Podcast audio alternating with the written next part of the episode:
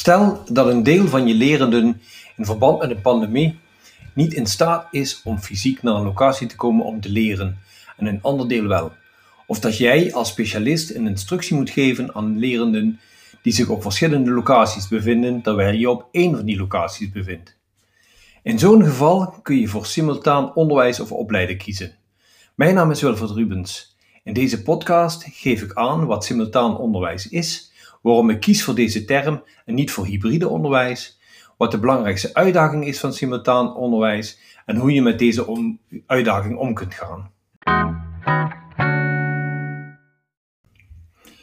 Er is sprake van simultaan onderwijs als een deel van de groep lerenden zich met een docent of opleider fysiek in een ruimte bevindt en een ander deel het onderwijs online op afstand volgt.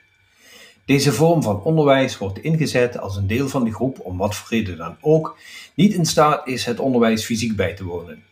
Het voordeel van simultaan onderwijs is dat je als docent maar één keer een bijeenkomst hoeft te verzorgen en dat je niets apart hoeft te organiseren voor degenen die niet in staat zijn naar de locatie te komen. Dikwijls wordt deze vorm van onderwijs hybride onderwijs genoemd. Binnen het middelbaar beroepsonderwijs wordt de term hybride onderwijs echter al veel langer gebruikt. Daarbij gaat het dan om onderwijs waarbij het opleiden meer in de beroepspraktijk plaatsvindt en in samenwerking met het werkveld, en er minder op school wordt geleerd. Bovendien wordt in Australië de term hybrid learning als synoniem gebruikt voor blended learning. Om verwarring te voorkomen gebruik ik dan de term simultaan onderwijs.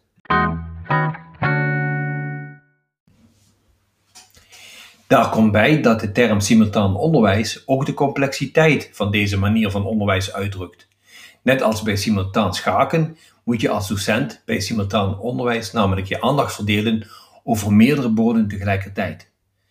Michael Moore heeft in 1997 zijn Theory of Transactional Distance geponeerd. Deze theorie drukt die complexiteit namelijk heel goed uit.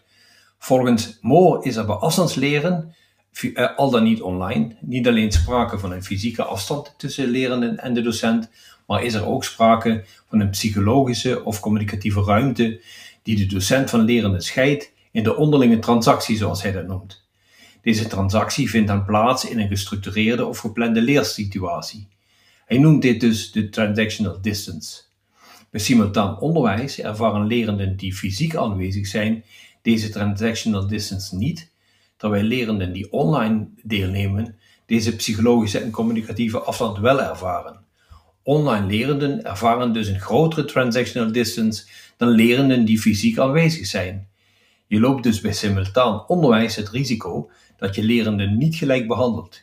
Dit kan wel eens vooral nadelig werken voor lerenden die al moeite hebben met leren of voor lerenden uit achtergestelde situaties. Uiteraard kun je ook bepaalde leeractiviteiten alleen op locatie uitvoeren. Denk bijvoorbeeld aan praktijkopdrachten of rollenspelen.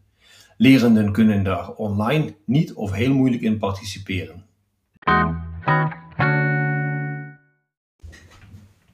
Hoe kun je het beste met deze uitdaging omgaan? Allereerst bereid je goed voor. Hanteer een duidelijke structuur voor de bijeenkomst. Wissel daarbij af tussen instructie en activiteiten door lerenden. 2. Denk na over de vraag: wat moeten deelnemers op afstand zien om volledig betrokken te zijn? Ze moeten in staat zijn om de gezichten van deelnemers in de vergaderruimtes te zien, gedeelde presentaties, fysieke documenten die worden uitgedeeld, whiteboards of flipovers enzovoort. 3. Maak gebruik van leertechnologieën. Laat alle lerenden leeractiviteiten uitvoeren waarbij ze, zij een online omgeving moeten gebruiken, bijvoorbeeld om te chatten of het maken van een interactieve quiz ter verwerking van een instructie. 4. Maak gebruik van buddies. Koppel online lerenden aan lerenden op de locatie. Online lerenden kunnen hun buddy gebruiken als zij tegen bepaalde problemen aanlopen, bijvoorbeeld als zij de docent even niet kunnen horen. Merk overigens op dat een intensief gebruik van leertechnologie tijdens bijeenkomsten ook afleidend kan werken.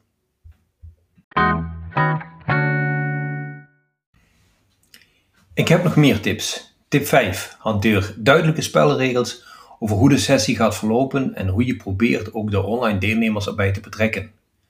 Communiceer ook continu over wat je doet. Tip 6. Probeer je aandacht te verdelen over alle lerenden.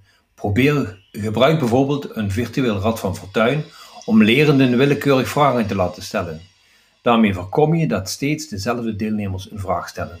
En meestal zijn dat de deelnemers waarschijnlijk die in de fysieke ruimte aanwezig zijn.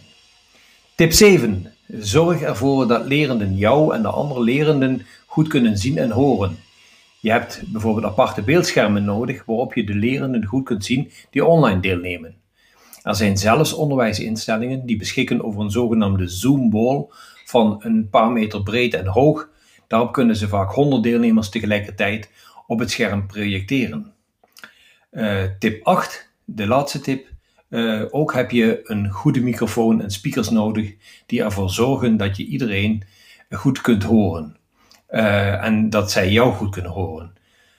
je hebt ook vaak de mogelijkheid als organisatie om aparte sets te bestellen en bijvoorbeeld gebruik te maken van pedalen om bijvoorbeeld tussen beeldschermen te kunnen wisselen. Er zijn heel wat technologiebedrijven die sets voor simultaan onderwijs te koop aanbieden. Samenvattend, er is sprake van simultaan onderwijs als een deel van de groep lerenden zich met een docent of opleider fysiek in een ruimte bevindt en een ander deel het onderwijs online op afstand volgt. Om verwarring te voorkomen kies ik voor deze term en niet voor de term hybride onderwijs. Simultaan onderwijs is complex, met name vanwege transactional distance, die maar een deel van de lerenden ervaren. Je kunt wel maatregelen nemen om deze psychologische en communicatieve afstand te overbruggen. Deze maatregelen hebben te maken met faciliteiten en met didactiek. Er is overigens nog weinig onderzoek gedaan naar de effectiviteit van simultaan onderwijs.